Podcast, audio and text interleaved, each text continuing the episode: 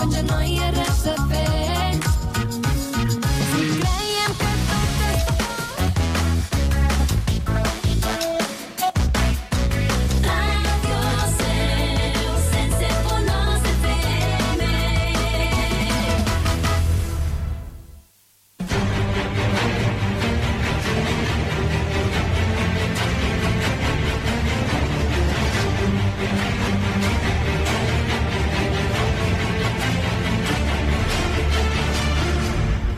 Portes de Troia, amb Alberto Reche, Sergio Rodríguez i Albert Abril.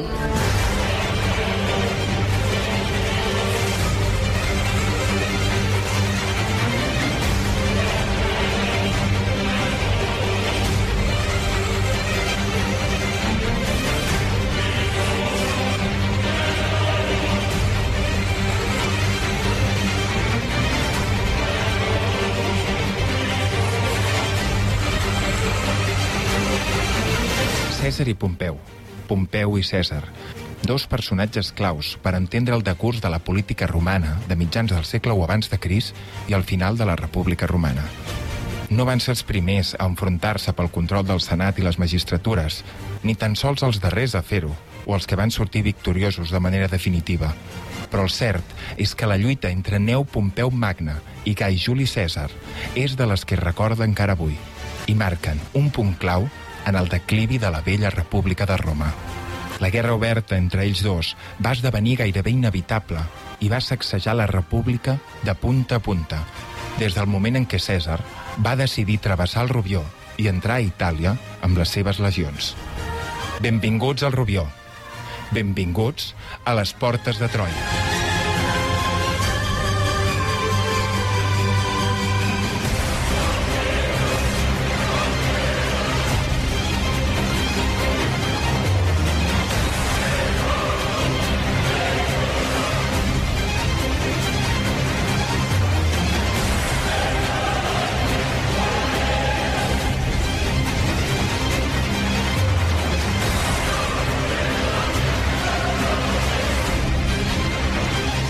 Benvingudes una setmana més a les Portes de Troia, el programa de ràdio història des dels estudis de Ràdio Castellà de la xarxa de comunicació local. Avui per parlar sobre l'enfrontament entre Cèsar i Pompeu. I ho farem amb el nostre historiador de capçalera, Alberto Reche. Benvingut, com Bones, estàs? què tal? I, I tu, què tal? Ah, no t'ho pregunto mai. Uh, Què bé, tal? la veritat bé? és que bé. Sí, cansa, bé. cansadet, però, però bé, Bueno, animat. va, ànims. Bé, bé. Igualment. Uh, Alberto, uh, era inevitable el conflicte entre Pompeu i Cèsar? Bueno, eh, segurament sí. No? Ja vam veure el primer programa que eren dos personalitats molt diferents, que representaven interessos eh, polítics molt diferents, però sobretot eh, els dos estan immersos en aquesta concentració de poder de final de la república i com, com en aquella pel·li dels immortals només podia cada un. No? Llavors, eh, sempre podem fer mm, història-ficció, podem fer una ucronia de què hagués passat si no? eh, Pompeu i Cèsar, en comptes de lluitar entre ells, haguessin tingut una relació homoeròtica i haguessin eh, governat junts eh, com si fossin reis espartans, Mhm. però, eh, malauradament, aquest gir de guió no va, no va ser possible, però tot apunta a que aquest conflicte entre Pompeu i Cèsar, com tants altres conflictes entre altres dirigents romans de la mateixa època encaminaven cap, al, cap a la mateixa direcció, era inevitable en el sentit de que el que estem vivint és la dissolució de l'antiga república i, per tant, no, eh, aquesta dissolució del poder col·legiat i del poder eh, assembleari eh, algú havia d'aconseguir-lo i només en aquest procés, en aquest viatge, només podia cada un.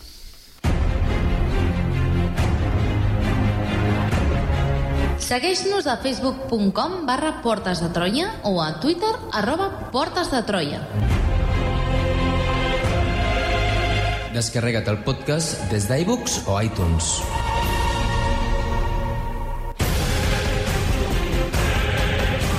I descobreix tots els continguts del programa a la nostra pàgina web www.portesdetroia.cat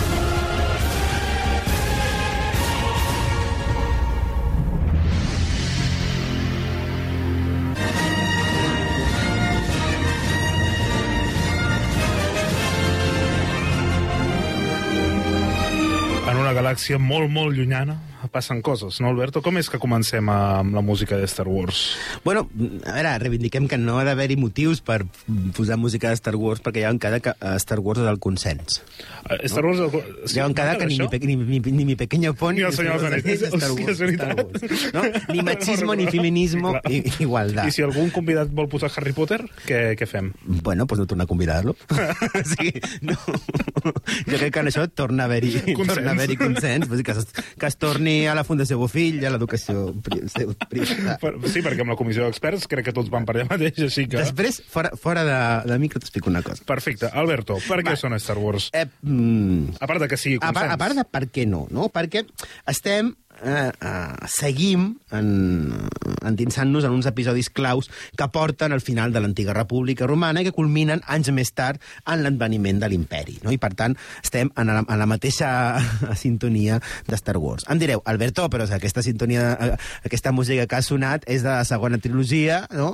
I, per tant, ja, ja estem a l'imperi, el que estem ajudant contra l'imperi. No, No. no, perquè eh, aquesta és la variació que obre la pel·li de el- l'ataque de los clones, l'atac dels clons, i per tant estem plenament no, en el moment capdalt de l'inici de la dissolució de la, de la república. Ja veurem qui és, qui és Palpatine, ja veurem qui és eh, el Consell eh, Jedi, Jedi. ja veurem qui lidera eh, els clons a les legions romanes, ja veurem, però en qualsevol cas... Eh, ja hem dedicat un programa per filar les figures de Neu Pompeu Magna i Gai Juli Cèsar, els dos protagonistes indiscutibles de, del, programa, del programa anterior, però també del programa d'avui, i ara els enfrontarem, no?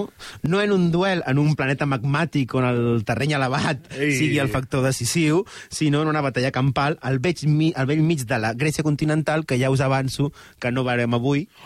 Els enfrontarem, però no arribarem a la batalla de Farsàlia, ens ho reservem per un tercer programa, eh, perquè no farem tres trilogies de, de la lluita entre César i Pompeu, però en aquest símil eh, estarwarenc, o estarwarí, com sigui el gentilici, eh, farem una trilogia. No? Hem començat amb, no sé si era l'amenaça fantasma, Bueno, podia... Sí, el, alguna el, el, el primer programa, César i Pompeu encara eren amiguis, no? Eren una mica... Clone Wars, era Clone Wars, no? Sí, Clone Wars, sí, no arribava a ser Ki-Gon Jinn, Obi-Wan, no hi havia aquesta relació, però bueno, en qualsevol cas no avancem a esdeveniments. No avancem a esdeveniments, però sí que comencem el nostre relat i la pregunta és òbvia.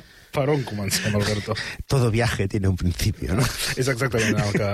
Bé, viatgem, si, us, si et sembla, a fins a l'any 61, abans de Crist, uh, abans, de, abans, de, abans de Lucas que abans de Crist, uh, moment en el que Pompeu torna triomfant de les seves campanyes militars d'Orient, envoltat d'una aura de gran general, i la república a la que torna comença a tenir les hores comptades. Comença, per molts motius, a no ser aquella república eh, que tots tenien en ment feia generacions.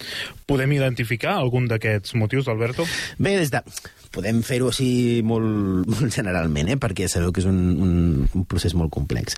Des de feia algunes generacions, els territoris dominats per Roma havien anat creixent no? sense parar des de, des de les guerres púniques i de manera cada vegada més evident el Senat, no? que en origen era una institució sorgida com un consell local, un consell urbà, d'una petita eh, ciutat del centre d'Itàlia, era incapaç de desenvolupar les seves funcions i de gestionar els problemes d'abast mundial, entre cometes, que sorgien cada vegada més eh, a mesura que l'expansió romana s'anava eh, enfortint. L'antiga República Romana, no, aquella del 509, havia nascut com una reacció antiautocràtica, no, que havia acabat amb la monarquia i que, per tant, en el si del seu sistema es trobava gravada l'aversió cap a l'autocràcia, cap a la concentració de poder, i tot en, en, en les institucions en les magistratures i en la manera de funcionar de l'antiga República Romana anava en contra de concentrar el poder no? en una persona, en un grup de persones, i, per tant, eh, el gran problema és que la polícia, us ha anat seguint el programa anterior, eh, tot en la, en la política romana del darrer segle encaminava just cap a la direcció contrària, el sorgiment de líders, d'autòcrates, que buscaven, no? com el senador de Nabú, el, el Senat Intergalàctic, concentrar el, el poder. I amb cada, més, amb cada vegada més intensitat exercia el domini de les magistratures exercia el domini sobre el Senat, sobre l'exèrcit, la situació que ens estàs plantejant sembla que tindrà una solució bastant difícil. Di difícil no, dificilíssima, no? I més si tenim en compte que des de uh, aquest salt geopolític que suposa la victòria de les guerres púniques, el canvi de magnitud, no només de la política, sinó de l'economia romana, suposava una ferida de mort per a aquestes velles formes de fer republicanes. Què, què vols dir amb això, Alberto? Sí, bueno, a veure, vull dir, amb l'expansió romana, eh, l'abús de l'Estat, no? l'abús del, de la política s'havia convertit en el model de negoci més lucratiu. Molt més, per exemple, que la producció agrícola, que el comerç eh, normal, no? el tràfic d'esclaus, la gestió dels exèrcits, la intendència, el, el repartiment dels botins de guerra, de l'establiments de veterans, l'espoli de les províncies, el finançament dels jocs, de les festes, dels espectacles públics, de l'arquitectura pública, de les entrades triomfals als exèrcits... Tot això no? tota aquesta administració del, de l'excepcionalitat suposava cada vegada més un desplaçament de la pràctica política normal del complir els deures no? cap a l'antiga república, cap a l'exercici d'unes magistratures i d'un bé comú, d'una re, d'una res pública, d'una cosa pública de tots. Cada vegada les institucions eren vistes més com un, un canal pel eh, lucre personal, pel cap al benefici eh, personal. I, per tant, eh, l'economia havia deixat de ser una economia real, no? O- i la inversió eh, havia estat posada en l'abús de les institucions, no? cosa que, que ens pot sonar molt, molt actual. No? La política és l'art de, de, a política per fer diners con tus coses, no? eh, amb aquestes coses. Per altra banda, no, tota aquesta eh, gestió de la, de la victòria fa que les ciutats s'omplin de camperols empobrits, que han estat substituïts per esclaus, eh, no? que eh, duen una vida cada vegada més miserable, que viuen no? aquella política del pa i el circ, no? que eh, mentre veuen, eh, recordeu-vos d'aquells capítols de la sèrie de Roma, no? eh, que ens mostra aquella, aquella Roma no de marbre com serà la Roma imperial, no? sinó de fang, de fusta, de prostitució, de Molt pobresa, de, de, de fetitxeria, de màgia. I, i, I mentre veuen cada vegada com el luxe dels privilegiats cada vegada és, és major. És, a, a mi, perdona que faci la punt, eh, però és una de les sèries històriques que més m'ha... que ara mateix està a les, a les plataformes, o, o podríem dir del present, que més m'ha agradat. La, Les la plataformes Roma. del present. No, per a les plataformes digitals de streaming. Uh, és, de fet, és la que més m'ha agradat. De, almenys de Roma, per mi és de lo milloret s'ha que s'ha fet.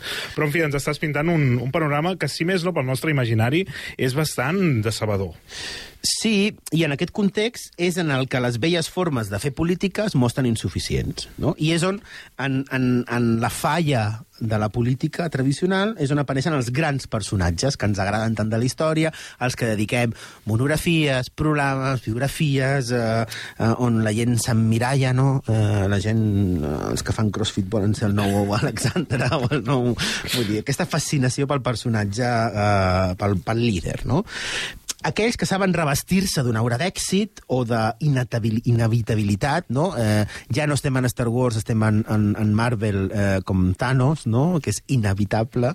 No? Doncs els grans líders polítics de l'antiga Roma es mostren com a inevitables. No? Juli César és inevitable, Pompeu és inevitable. No? Aquella pregunta de o César o Pompeu, no? És, eh, és fonamental. És inevitable que un d'aquests personatges es faci amb el poder, com és inevitable que l'antiga república intergalàctica es dissolgui.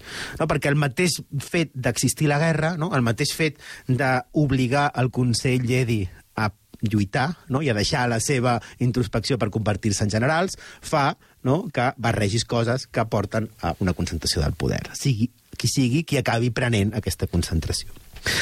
Per tant, aquests personatges, inevitables, amb els seus triomfs, personalitzen la política, usurpen cada vegada més les magistratures i eh, distorsionen els canals normals de la política, que, deixa, que es buida de, de contingut.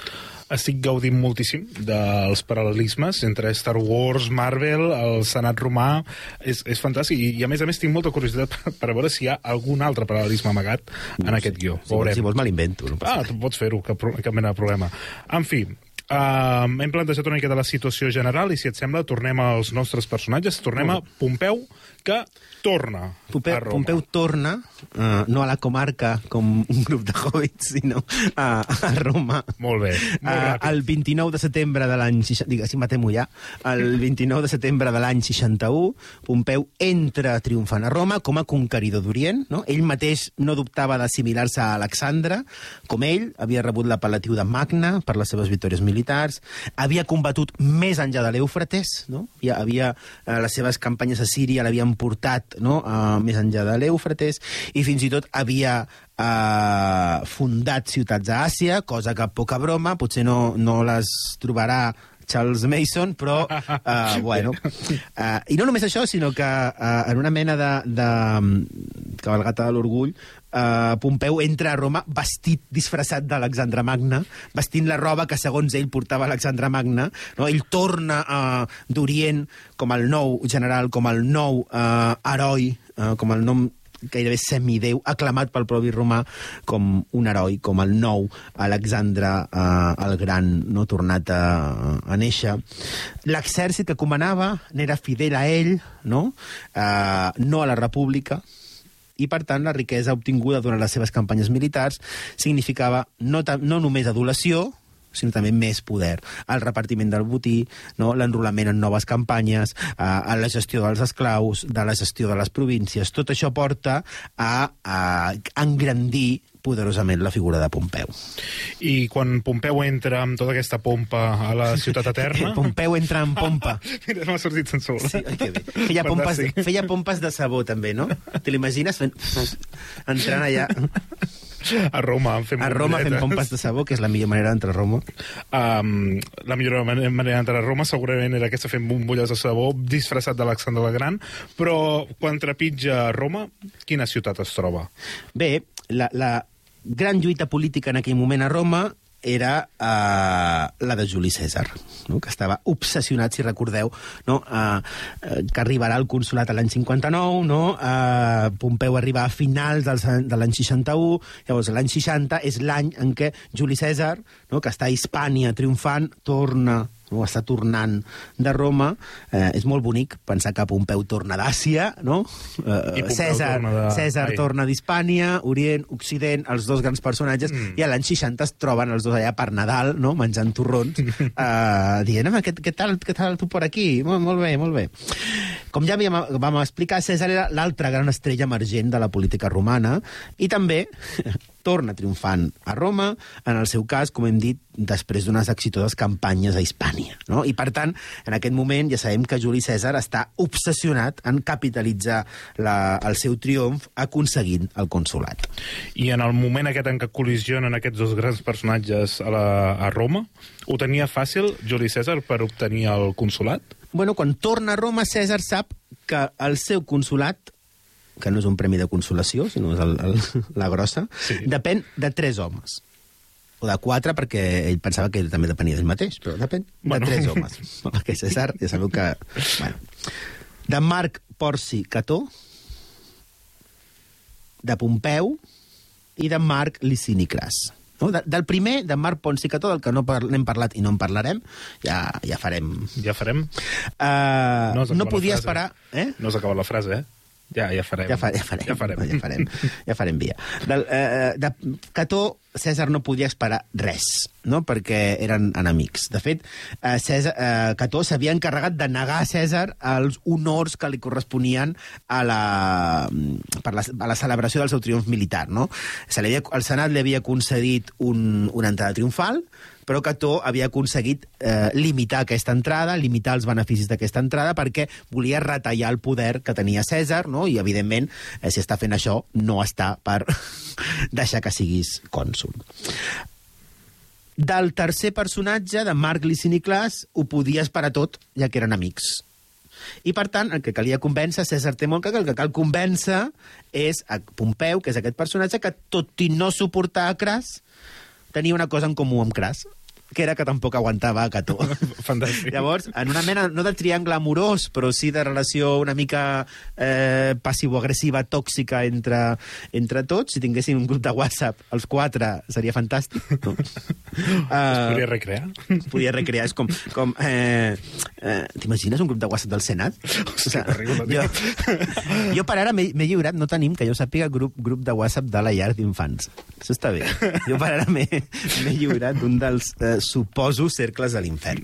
Quan tornis a casa potser eh, veus que algun oient no, et, et- posa en el grup. En, en el seu. En el seu. O sigui, bueno, jo això, o sigui, a tope, eh? O sigui, a mi que em posin en grups de, de whatsapps de la llar on no va la meva filla, a tope. Jo entro allà com... com Ànims. com Pompeu a Àsia, saps? O com Pompeu a Roma. O com Pompeu a Roma. Eh, fem pompa. fem pompa. Uh, La solució, Alberto... En quant la solució, sembla fàcil, Sí. no? Que és Cèsar maniobrant astutament per tal d'aconseguir el suport secret, no? recordeu, estem en, hem tornat una mica enrere respecte al final del programa anterior, aconseguir eh, el suport de Marli Sinicras, de Neu Pompeni, de Pompeu Magna, eh, dos enemics que públicament són enemics irreconciliables, però que eh, donaran suport a la candidatura de Cèsar a canvi no? de eh, que ell, com a cònsul, faci polítiques durant el seu mandat per tal de legislar al seu favor. Com ho farà? Què volien Pompeu i Cras eh, eh, que podia concedir-los Cèsar?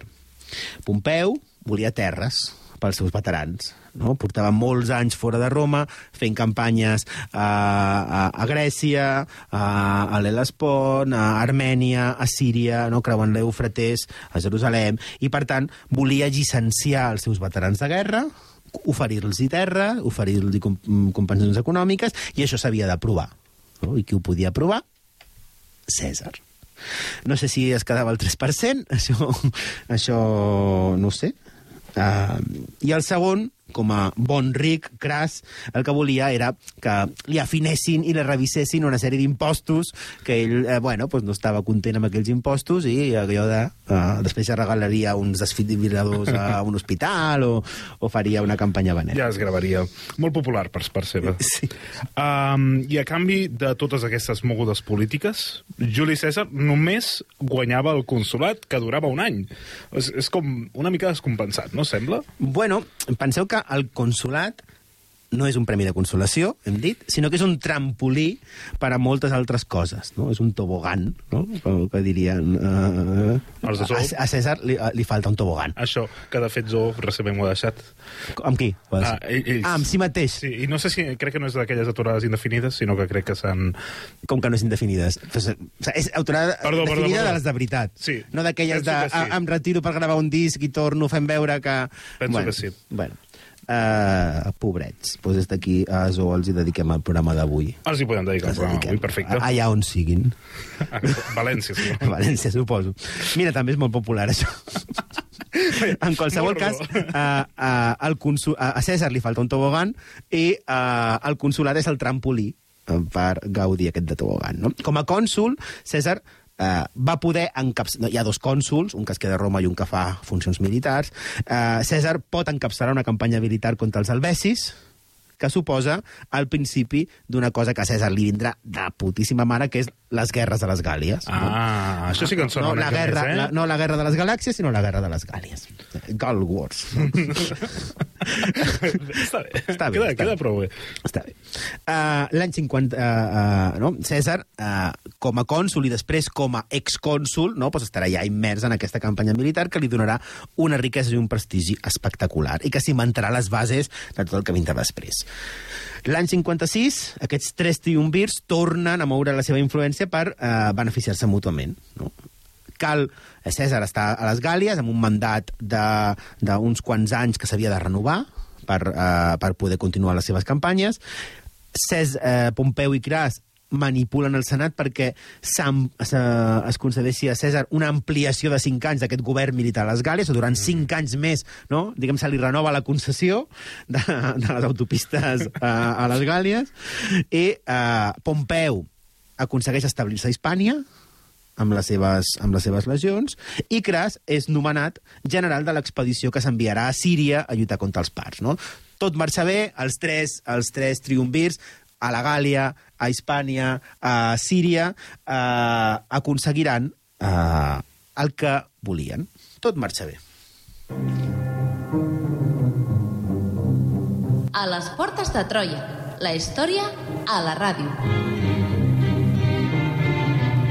Descobreix tots els continguts del programa a www.portesdetroia.cat.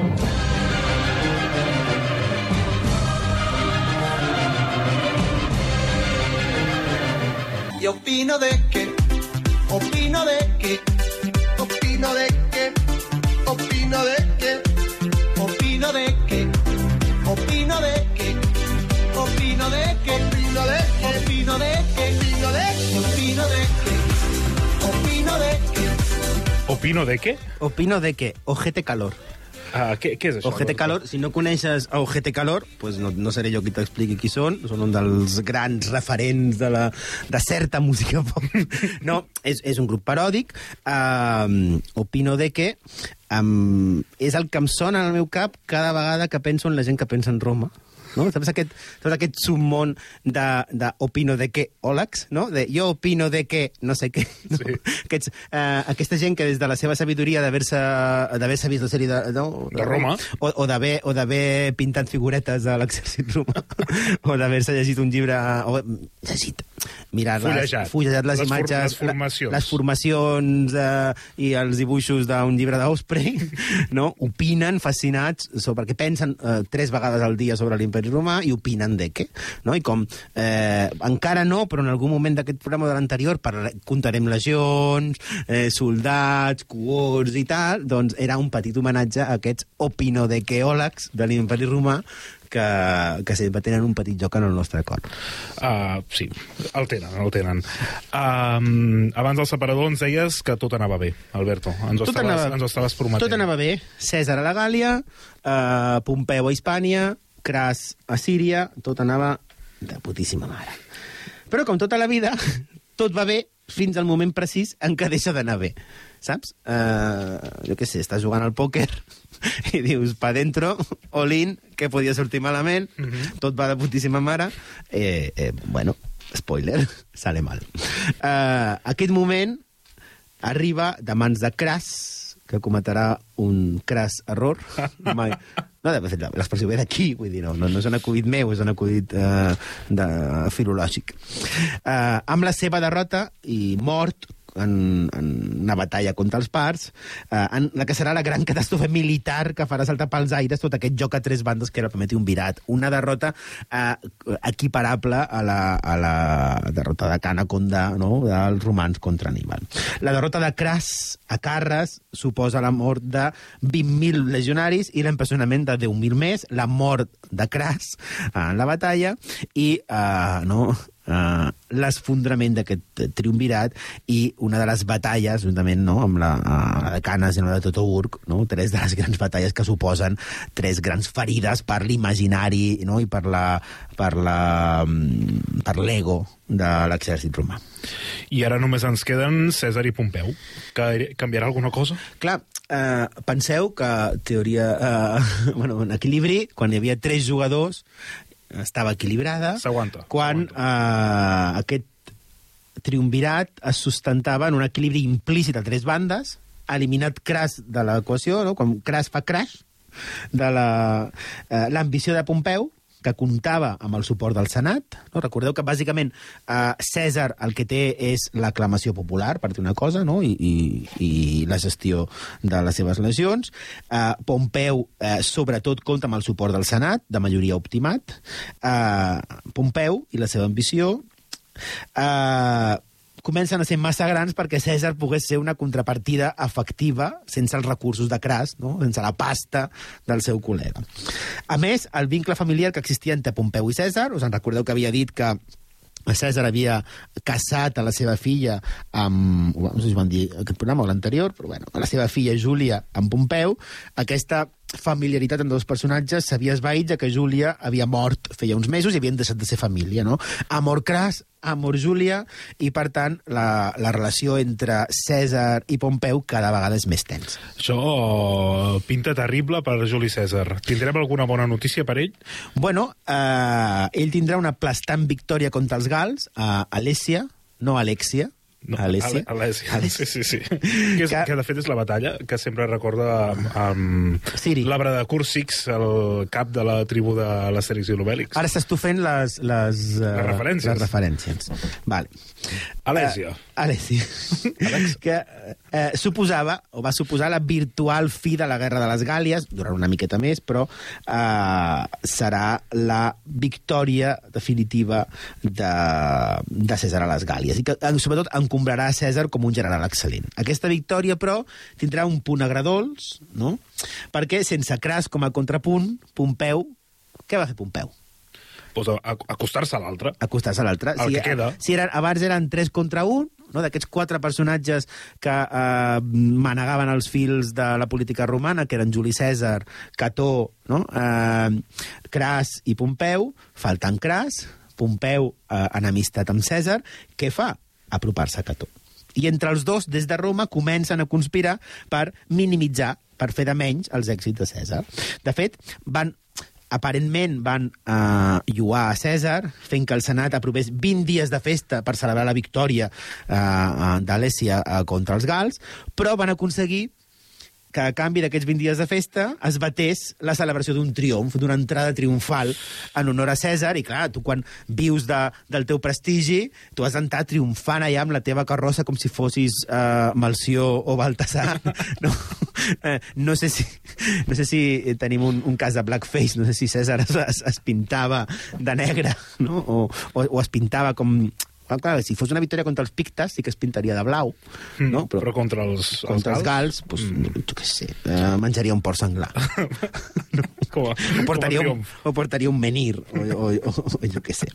En qualsevol cas, eh, Cató i Pompeu aconsegueixen batar la, la, la concessió d'aquest triomf a Cèsar i això m'encabrona una, una miqueta. Alberto, fa 5 minuts o 7 minuts les coses anaven molt bé i ara sembla que tot es comença a precipitar una miqueta. Sí, bueno, de fet, estem arribant al punt culminant de la tensió. No? Des, eh, Cèsar eh, dura, porta uns quants anys eh, a les Gàlies, ha pacificat les Gàlies, té darrere seu unes legions de veterans no, molt acostumades a combatre, eh, aquest equilibri del triumvirat ha saltat pels aires, la tensió cada vegada es fa més evident a Roma i, per tant, és el moment de donar un cop sobre la taula i intentar aconseguir més poder. Com ho farà? Quin és l'objectiu de Cèsar un cop eh, sap que va tornar de les, Gal de les Gàlies? Tornar a ser escollit cònsul, com ja va, fer, va ser-ho l'any 59, intentarà ser escollit cònsul l'any 49. Quin és el problema? 10 anys. Un cop cada 10 anys no fan mal. Però per ser-ho, la tradició dictava uh, que els candidats havien de renunciar al comandament militar que estiguessin ostentant per tal de poder ser triats com a cònsuls. Clar, aquí tenim un problema, perquè si el poder de Cèsar és que comana legions, eh, si deixes aquestes legions, les dissols i entres a Roma sol sense els teus soldats, eh, per veure si et trien cònsul, com al final no et trien cònsul, pues, sí que tindràs un, un premi de, de consolació. No? En aquest cas sí que hi ha un problema. Clar, quin, quin serà el pla de, de Cèsar? Per no haver de fer-ho, farà el mateix que havia fet anys abans Pompeu, no? Romandre a la Gàlia, demorar el fet d'haver de uh, ser obligat a dissoldre la, el, el seu exèrcit. En recordeu que Pompeu fa no? en el moment que ha acabat la seva campanya a la Gàlia Cisalpina contra, contra algun dels uh, uh, líders populars, en espera de que no? com ell sabia que s'havia de nomenar algú per, uh, per portar la guerra a Hispània, doncs ell no volia dissol dissoldre el seu exèrcit fins que uh, el Senat aprovés la guerra per tal de ser ell el que, el que fos nomenat com a, com a capità d'aquell exèrcit. Cèsar el que farà és intentar romandre la Gàlia el més possible, no, no apropar-se a Roma, i intentar ser triat com a cònsul des de la distància. No? Romandre a la Gàlia fins que es fes l'elecció al consulat i així ell com un, com un dels com els cònsuls tenien imperi i per tant tenien comandament militar, ja tindria un exèrcit, no? Clar, eh, farà això, però això, clar, és clarament, diríem avui, inconstitucional, no? eh, I davant d'aquesta negativa de venir a Roma, no? Dic, bueno, presenta les eleccions, vine aquí, no? No, no et quedis fora. Eh, en qualsevol cas, eh, Pompeu, Cató i el Senat pressionen, continuen pressionant a Cèsar perquè dissolgui l'exèrcit, no? dient, escolta, si vols presentar-te cònsul, vine aquí, deixa les armes, no? deixa les armes, deixa el teu exèrcit i vine aquí. Dissol l'exèrcit. Eh, Cèsar diu que no. Vull dir, que Pompeu també té un exèrcit, mm. no? I que, en tot cas, ell va allà, ell torna a Roma sempre quan Pompeu també dissolgui les legions que té les legions que encara manté de, del seu... Uh, que manté a Hispània, no? que manté a, a, a Orient, i no, jo deixo les meves legions si tu deixes les teves legions. I Pompeu es nega. Es nega a fer això Delicat. delicat. Llavors, no només es nega a fer això, sinó que ell controla el, el Senat. I, per tant, Pompeu i Cató, davant la negativa de Cèsar a dissoldre el seu exèrcit, eh, aconsegueixen fer que el Senat digui o dicti que Cèsar és un perill públic contra la república. No? Mireu aquest que intenta ser cònsul sense, eh, sense dissoldre el seu exèrcit, com si fos el primer que, que ho hagués fet. No? I, per tant, eh, Pompeu i Cató aconsegueixen que el Senat dicti l'ordre de mobilitzar i armar a tots els ciutadans de Roma i enquadrar a tots els magistres en legió. No? Diguem que dona l'ordre de que eh, l'ordre de armar a tota la població en previsió de que Cèsar està a punt de fer un cop d'estat. No? És com avançar-se. No? És dir, com Cèsar no està fent el que volem que faci, i, i Cèsar ens diu que nosaltres fem el mateix que volem que faci ell, però nosaltres no volem fer-ho, Vale. no? doncs ell és un enemic públic. No? És la ETA. I, i, ah, i llavors, què, què, què passa? Pues Vull dir, llavors- Perquè, perquè tot això està a punt d'explotar, Alberto. Llavors, eh, toca eh, fer el que fa Cèsar, que és llançar els daus i deixar que la sort decideixi, no? Arribem a aquell famós episodi del Rubicó, amb aquella fa famosa frase, no? A Lea Jactaès, no? La, la sort està llançada, no? En una expressió que tenia a veure amb, el, amb els jocs d'atzar eh, que suposava el llançament de daus, no? Eh, Cèsar, a més, està cultivant aquesta seva imatge de la família Júlia, no? de, de ser uh, descendents de Venus, no? Venus és la desa de l'amor, però també és la desa bueno, de l'atzar, de la sort, no? de, l'amor no deixa de ser un joc. Uh, I, per tant, uh, Cèsar s'encomana no? aquesta, aquesta ascent, ancestre diví. I sobretot perquè sap que està en una inferioritat numèrica aclaparadora, no? I, per tant, eh, necessita fer una cosa diferent al que s'espera que hagi de fer, i això és el que passarà en aquest eh, famós eh, episodi del Rubicó. Pompeu i el Senat tenen el control dels mars, no? en aquelles campanyes que Pompeu va, va dirigir per eliminar la pirateria del Mediterrani, Pompeu va haver de fer una flota, no? va haver de gestionar vaixells, i per tant Pompeu encara tenia aquesta superioritat naval. A més, Pompeu i el Senat tenien vuit legions, no? les vuit legions de Pompeu experimentades que portaven anys combatent a Hispània, que estaven allà, tenien dues legions a Itàlia, i a més tenien totes les legions eh, eh, fidels a Pompeu que estaven desplegades a Síria, a Macedònia, no? eh, eh, Cèsar tenia Alexia, eh, Pompeu tenia Síria. No? Era com una guerra comercial. Eh, eh, gua- a veure qui guanya. Ciceró encara estava amb l'Internet Explorer allà.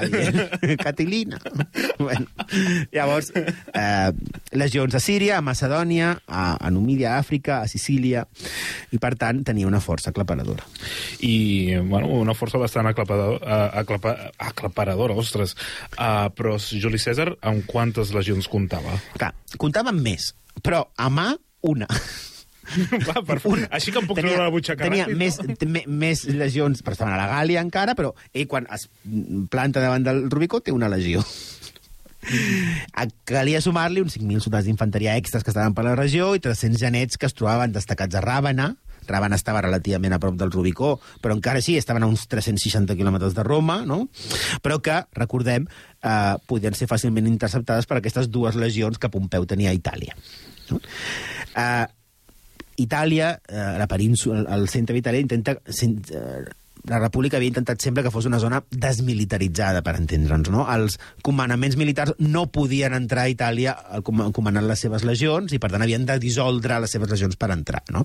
Per tant, era una zona eh, on aquestes dues legions de Pompeu eh, tenien molt pes. Les restes, eh, la resta de forces del Cèsar es trobaven no, disperses eh, per la Gàlia, al nord de la Gàlia, en campanyes militars, i, per tant, Cèsar podia reclamar-les, però trigarien a arribar. Llavors, la situació era complicada. I davant d'aquest panorama, quina és la decisió que pren Juli Cèsar? Doncs pren la rapidesa, la decisió de ser ràpid. Forçar el cop abans de que Pompeu i el Senat puguin mobilitzar les seves tropes. No? S'està escalant la tensió, però si actuo ràpid, no? si entro a Roma ràpid, potser eh, enxampo els meus enemics sense preparar. Llavors aquí és quan hi ha aquell eh, episodi, aquella escena de eh, el fet de creuar el Rubicó. El Rubicó és una puta merda de riu. Sí, el Rubicó és un riu administratiu. No? Té, ja sabeu que eh, els rius separen, no? els rius separen demarcacions geogràfiques, eh, en contra del que sembla intuïtiu, els rius separen i les muntanyes uneixen, no? perquè les, la, la transhumància, la ramaderia, els camins de muntanya uneixen, no? penseu en, en el nord de Catalunya, no? que està més enllà dels Pirineus, és molt més català que si ens anem, no? depèn, eh, creuen a l'Ebre, depèn per on el creuis. Depèn, sí. Creues, per exemple, per, per, per dalt. Uh, en qualsevol cas, els rius uh, marquen demarcacions geogràfiques i el Rubicó marcava la, la separació entre administrativa, entre la Gàlia cisalpina no? i l'interior d'Itàlia. I, per tant, quan Cèsar creua el Rubicó, està carregant la mà contra el Senat no? en avançar uh, sense desmobilitzar la seva legió cap a Roma.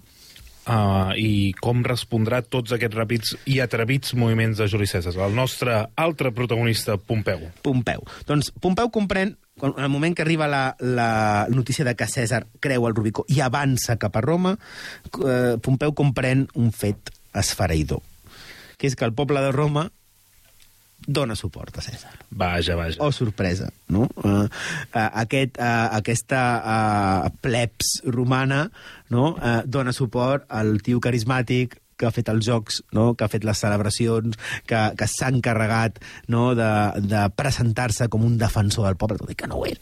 Bueno, aquesta idea de- de- d'aquests polítics populars. I, en canvi, Pompeu no deixa de ser l'aristòcrata no? uh, oriental, uh, uh, no estranger, però estrany, perquè ha estat molts anys fora, no?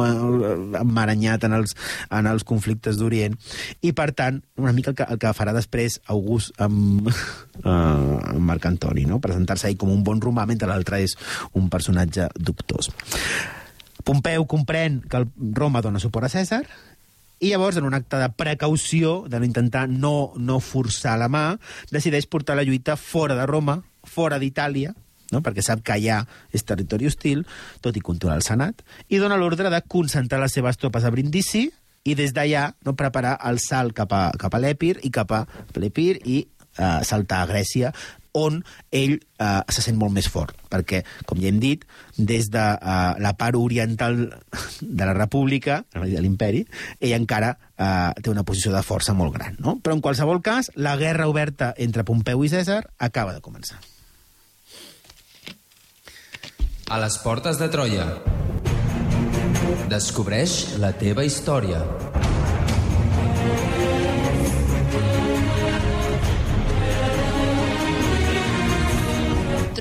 A facebook.com barra Portes de Troia i a Twitter arroba Portes de Troia.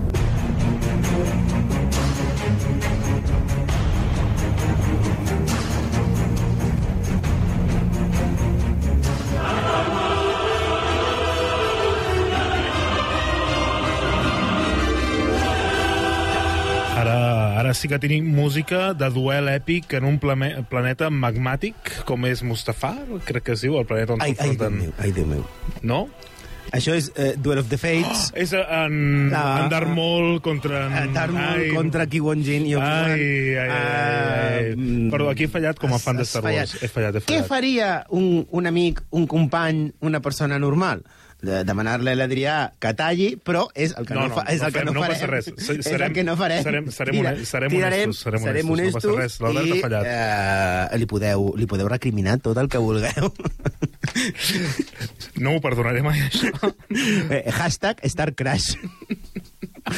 Va, bé. Uh, en, en En fi, qualsevol cas, Duel of the Fates, uh, batalla èpica, per fi tenim uh, els nostres dos protagonistes, uh, que eren tres, ara són dos, uh, lluitant, uh, sable de llum en mà, el planeta Naboo, te'n recordes? sí, me'n recordo perfectament. Uh, és... Ara sí, no? De fet, en Qui-Gon hi ha molts, són personatges eh, fantàstics, però eh, és igual, en fi, uh, no, no, no m'ho restreguis per la cara, Alberto, que tinc una fama.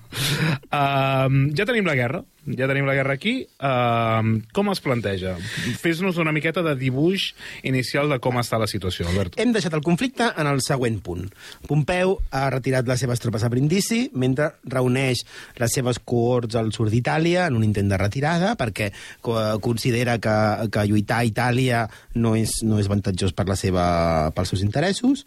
Mentrestant, des de la Galícia Alpina, Cèsar ha anat baixant per la península itàlica, sufocant el perill que podien suposar aquelles petites bosses de Fidel a Pompeu que havien anat quedant enrere i que eh, Cèsar anava conquerint fortificació rere fortificació. En poques setmanes, l'exèrcit de, de Cèsar es planta davant de, de Brindisi i el mateix Cèsar proposa negociacions de pau amb, amb Pompeu, sempre tan conciliador. I són acceptades aquestes, aquesta proposta de negociació? Eh, sí, clar, evi ev- evidentment, no? Uh, en absolut.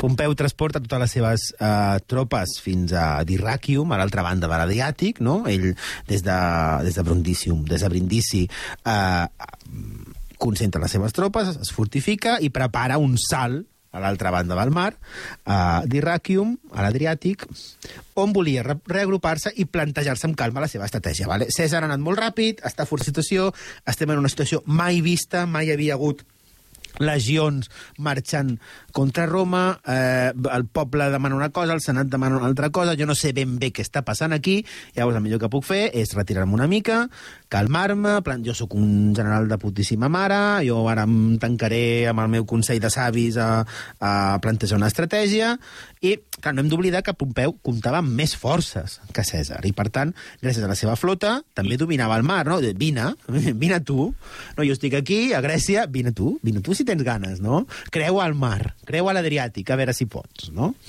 Eh, si Cèsar s'atrevia a avançar, Pompeu comptava amb esclafar-lo al mar. O fer un bonic entrepà, no? Eh, Entrepà de garum. eh, anava a dir de boc- de- d'entrepà de, de calamar, bocata calamares, perquè sona la romana, calamares. Vale. Llavors, eh, volíem fer un bonic... No hi ha res més madrileny i, per tant, res més hispànic que un bocata calamares, un bo- bocatum calamarum matritensis. Uh, si, si Cèsar dubtava, uh, recordeu que Pompeu tenia vuit legions a Hispània, unes quantes legions a, a Orient, i si Cèsar dubtava, farien un bonet en- entrepanet amb Cèsar. No seria una amanida, però, bueno... Seria un entrepà. Seria una I potser cosa. tindríem un nom a un entrepà, curiós. Clar, l'entrepà, un, un Pepito i un, un César. Perfecte, sí. En una carta quedaria molt bé, un sota Sí. l'altre. Um, Fem, fem un bar, fem un bar troià. Fem un, un Pepito, un, un César, un no sé què, un... Podria ser una bona... Per retirar-nos? Sí, No? un, un advocat babiloni. Referència, això és Metarràdio, m'encanta. Um, si més no, Cèsar està a punt de ser la part interior d'un d'aquests entrepans? Sí, el calamar. El calamar? El, el calamardo d'aquesta situació. Exacte. Uh, és una situació complicada per ell. Bé, no tant com podia semblar. La virtut de Pompeu és a la vegada la seva feblesa. No? És molt poètic, això és molt filosòfic. És molt també, maco. no? En tenir les seves forces dividides en dos escenaris diferents, l'Epir, l'Epir i Hispània, Pompeu havia perdut marge de maniobra. Cèsar, en canvi, opta, per no deixar, d'un altre cop, per no deixar passar el temps. En comptes d'atacar Pompeu, no, de preparar un, un desembarcament a, a Grècia, gira cua, s'allunya de la flota enemiga i decideix, sense perdre un sol segon, dirigir-se cap a Hispània, no? reunir les seves tropes de la Gàlia a Hispània per tal d'intentar atacar no? i reduir de cop a la meitat les forces de Pompeu d'un sol cop. Si acabem, no? si jo estic entre l'espasa i la paret, doncs, hòstia, doncs fot-li cops de puny a la paret no? abans de que arribi l'espasa. Mentre eh, eh, assegurava possessions al Mediterrani Occidental, reforça Sicília, reforça Sardenya, dona l'ordre que nou de les seves legions que estan a la Gàlia avancin fins a Hispània. Dos dies després de que Pompeu abandona Brindisi, Cèsar torna a Roma, deixa Marc Antoni al capdavant de les, de les tropes d'Itàlia, arrambla amb tot el que troba de valor a Roma, eh, es fa una, amb una veritable fortuna de lingots d'or, argent, amb moneda, no? Se'ns diu que arrambla amb 15.000 lliu- lliures d'or en lingots, Déu-n'hi-do. 30.000 barres d'argent i uns 30 milions de sestercis en moneda, que vos us podeu imaginar eh, a, a, les bosses que necessites per això. I s'encamina cap a Marsella, que posa sota setge, Marsella era, Marsília era fidel a, a, a Pompeu, i tot seguit entra a Hispània dirigint-se cap a Lleida, a, bueno, cap a Ilerda, a, on estava acampat el gruix de les tropes de Pompeu a Hispània. S'està dibuixant un veritable xoc de trens. Uh, com anirà aquesta campanya a Hispània? Bé, doncs les tropes pompeianes a Hispània estaven dirigides per Lucià Frani, un dels homes de confiança de Pompeu, que l'havia acompanyat en moltes de les seves exitoses campanyes a Orient i, per tant, era, era un, un militar eh, experimentat, veterà, eh, i a la vegada eh, planteja una, una tàctica molt, molt semblant a la, de, a la de Pompeu, no? una tàctica conservadora.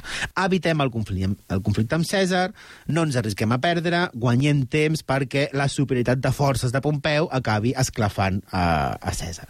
Per la seva banda, l'estratègia de Cèsar és radicalment diferent, intentar guanyar el més ràpidament possible i amb el menor risc de perdre topes, donant que l'escenari hispà és només la primera parada d'una guerra no? que l'espera encara a Grècia on Pompeu s'estava fortificant. Llavors, com més triguis no? en resoldre això i més perdis resolent això, més difícil serà el, la següent pantalla d'aquest videojoc. Cèsar desplega tot el seu enginy militar, tota la seva experiència lluitant en una guerra no? de fortificacions, de setges, una guerra continuada de territori, que és el que havia viscut durant 7-8 anys a les Gàlies, eh, i a través d'una sèrie d'admirables maniobres que tenien per objectiu tallar les línies de subministres, eh, no? a, a, a atacar els convois d'avituallament, anar tallant no? i ofegant l'exèrcit de Frani, aconsegueix que aquest, en qüestió de, de setmanes o mesos, s'aconsegueixi rendir. Les coses sembla que, que comencen a millorar, doncs. Sí no. per una banda, Cèsar ha tancat el flanc hispà, evitant aquest perill d'exposar-se a una pinça no? si es quedava a Itàlia. També havia aconseguit assentar el seu poder a Roma, des d'on era capaç d'influir a, a nivell legislatiu, no? i podia eh, fer lleis en contra de Pompeu i també eh, podia erosionar el, el prestigi militar del bàndol de Pompeu, no? Pompeu era un gran general, fa anys havia fet coses, però fixeu-vos, jo també he guanyat a les Gàlies, no? com m'he ocupat d'escriure jo mateix de mi mateix, i eh, acabo d'enfrontar-me amb un dels millors eh, generals de confiança de Pompeu i l'he passat la mà per la cara, no? d'una manera brillant. Però encara queda un gran problema per Cèsar. Pompeu s'ensenyoreix de la meitat oriental eh, de l'imperi, o de l'imperi, del, dels dominis republicans romans, compta amb els grans recursos que pot aconseguir del, del llevant mediterrani, d'Egipte, i, eh, sobretot, com hem dit, compta amb una flota immensa, no? una flota de més de 300 vaixells que espera a l'Adriàtic eh, a que Cèsar no? vingui. A més, els, durant aquest temps, els seus partidaris s'estaven reunint al seu voltant. No? Ell havia fet una base eh, eh, estable a Dyrrachium i, per tant, no només comptava amb aquestes legions que, que tenia ell, sinó que cada vegada més, no? en el moment que Cèsar acaba Hispània, eh, eh, Pompeu compta ja amb nou legions a Grècia i els seus partidaris estan reunint noves tropes a Síria, a, a, a Àsia, per dirigir-se fins a, aquesta, a aquest, a aquest lloc de Dyrrachium, on comencen a fortificar-se. Per tant, Cèsar havia començat a guanyar la guerra, però encara quedava molt a fer, com veurem en... Uh, això és ja uh, la venjança del Cid, o no? És ja la, el nou tercer capítol d'aquesta trilogia, esperem trilogia, sobre uh, el conflicte entre Cèsar i Pompeu. Per tant, una trilogia, eh? Bueno, si I- volem, bueno podem, fer, podem fer una mica com... Després, si voleu, podem parlar de, del, dels, dels pares, fem, fem com una preqüela, eh, i, o fem una... una o, bueno, o ens ho carreguem tot i, i traiem personatges nous que no tenen res i tornem a explicar el mateix, però eh, amb coses diferents. Podria ser, podria, podria ser una opció perfecta. No sé. Per fer més programes, Veurem. per fer-te fer més programes sobre Jo, jo, si continuem fent programes sobre tot això, vull els drets, de, uh, els drets comercials als pelutxos que farem. vale? Jo vull, fer, jo vull fer treure un, un baby, baby César, No sé si ho he explicat alguna vegada, però m'acabo de recordar i, i ho diré. Uh, Endavant, sisplau. uh, tu i jo compartim un compte de, de Disney, Disney Plus. Correcte, Plus, Plus. compartim un compte. Uh, I és molt bonic perquè jo tinc, jo tinc la, la, la icona de Yoda i tu tens la icona de Baby Yoda.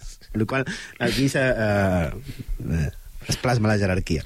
I eh, vaig posar eh, una pel·li a, a, a uns cosinets petits i quan eh, vaig entrar al meu perfil eh, van dir la frase No. totalment, de, totalment, No. totalment demolidora que van dir «Anda, mira! Un Baby Yoda viejo!» No!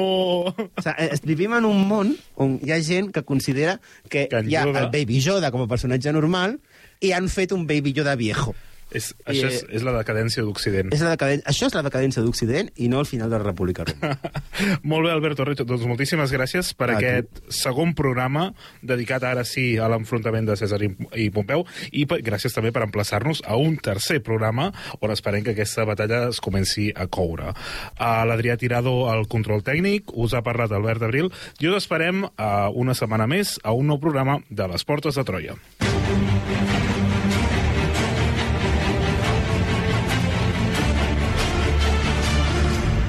Les portes de Troia, amb Alberto Reche, Sergio Rodríguez i Albert Abril.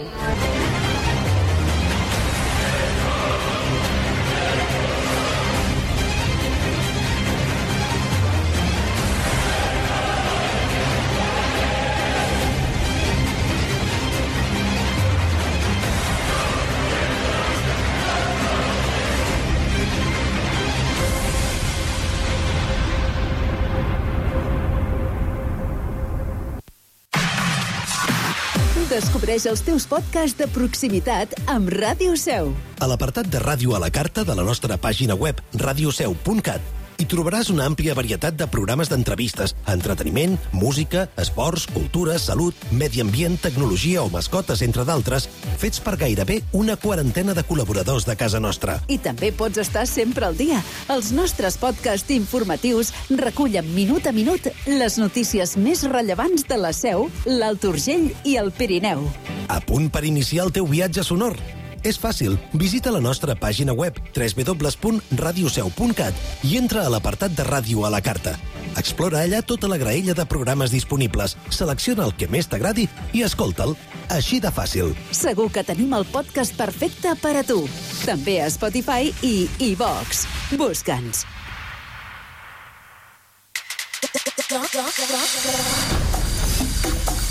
You're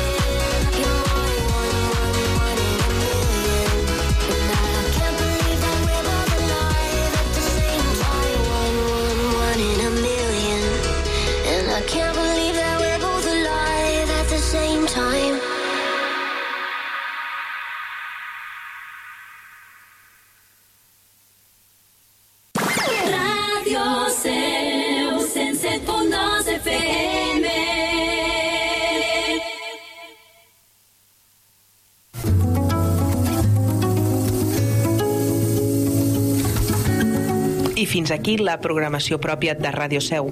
Connectem amb Catalunya Ràdio.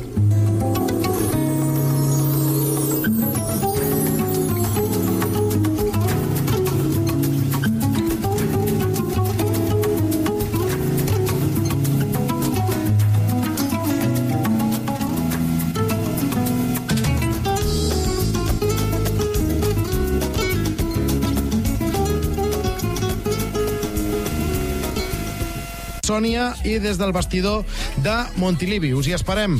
Lluís, com ha resolt el desgavell defensiu del Barça? Bueno, vaya